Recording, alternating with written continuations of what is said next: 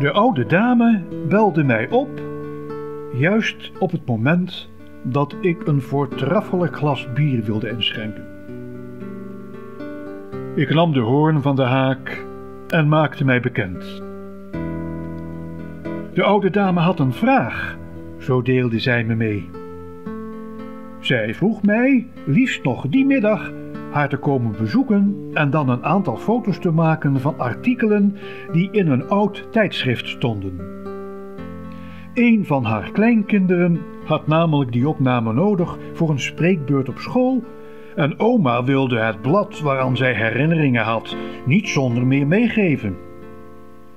Nou ja, voor mij als gemeentefotograaf was dat niet zo'n ingewikkelde opdracht, omdat er eigenlijk geen week voorbij ging dat ik dergelijke opnamen voor allerlei instanties maakte. Ik zei de oude dame dat ze op me kon rekenen. En pakte die middag mijn fiets en alle benodigdheden voor reproducties in een aluminium koffer die ik altijd voor reportages meenam. Kort en goed, ik arriveerde op de afgesproken tijd in een straat in de binnenstad en belde aan.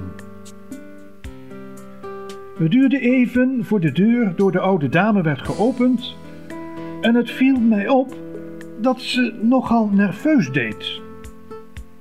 Zij liet mij even welkeurig binnen en ik ontdeed mij van mijn zomerse winterjas. Zij vroeg mij of ik thee beliefde. Nee, want dat beliefde ik namelijk nooit, dus kreeg ik een glas sap. Ananas, als ik mij goed herinner. Zij kwam ondanks haar ouderdom snel ter zake, maar het viel me wel op dat ze steeds blikken naar buiten wierp. Hoe dan ook, ik kwam hier om te fotograferen en begon dan ook geleidelijk mijn apparaten op te stellen en wilde juist met de eerste opname beginnen toen zij eensklaps een hand op mijn schouder legde. Ik uh, schrok een weinig, want van een oude dame verwacht je zoiets frivols niet meer. Maar ik vermande me en vroeg wat er los was. U zult het wel gek vinden, meneer, zo sprak ze, maar ik heb net iets heel raars gezien. Ik ging de tuin in om iets in de vuilnisbak te doen en toen keek ik toevallig naar het raam van de buren. En ik dacht nog, daar zat vroeger nou altijd mevrouw Mobers. Maar ja, die is al jaren dood. En terwijl ik kijk, krijg ik de schrik van mijn leven, want wat zie ik? Er zit een persoon voor het raam, precies op dezelfde manier als mevrouw Mobers altijd deed. Nou, nou, ik ga gauw naar binnen en maak een, een bekertje warme melk klaar, want dat is rustgevend. Terwijl ik bij mezelf dacht dat ik gewoon een beetje in de war was. Toen ik de melk op had, ging ik terug. En wat zie ik?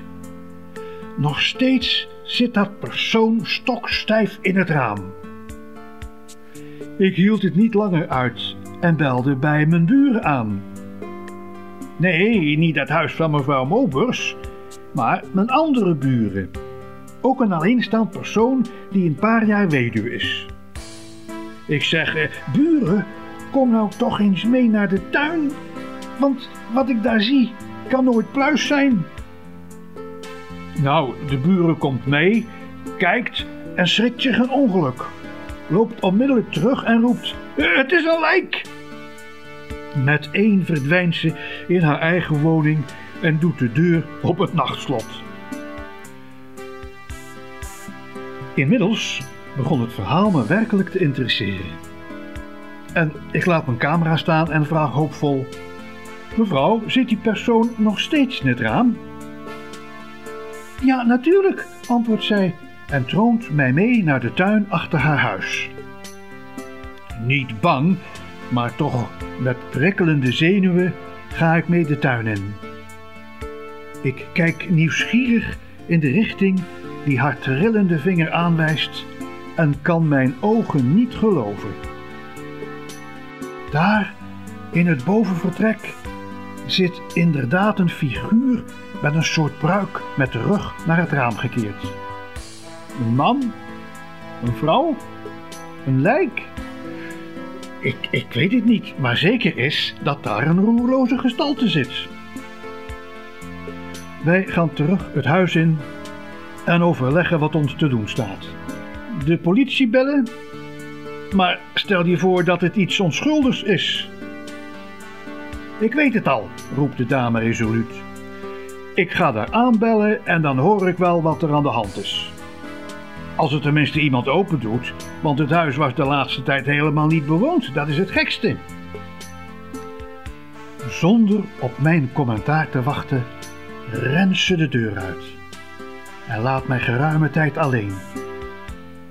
Ik benut die tijd dan ook om mij weer aan mijn werk te wijden. Toch, dit wil niet zo vlotten. Eindelijk komt ze terug. Ze vertelde dat er een jonge vrouw open had gedaan die haar had verteld dat ze pas in het huis was komen wonen. En de oude dame nu verzocht om nogmaals in haar tuin te gaan staan om te zien of het verschijnsel nog steeds achter het raam zat. Wij renden dan ook de tuin in en keken naar boven. De stille figuur zat nog steeds bij het raam. Toch, nu was tevens de jonge vrouw zichtbaar, die nu het raam opende en ons vroeg of dit de bedoelde verschijning was. We riepen dat dit inderdaad het geval was. En nu gebeurde er iets geks. De jonge vrouw bukte zich, vatte die figuur bij het middel, tilde het op en draaide het in onze richting.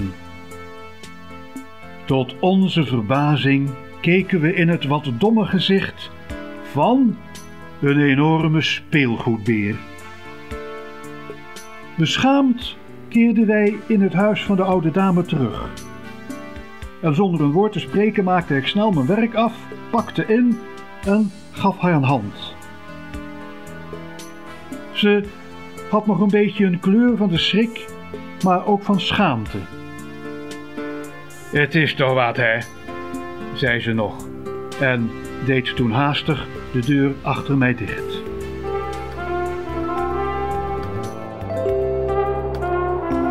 Johan Sinke, dolend in de tijd. Tot de volgende keer.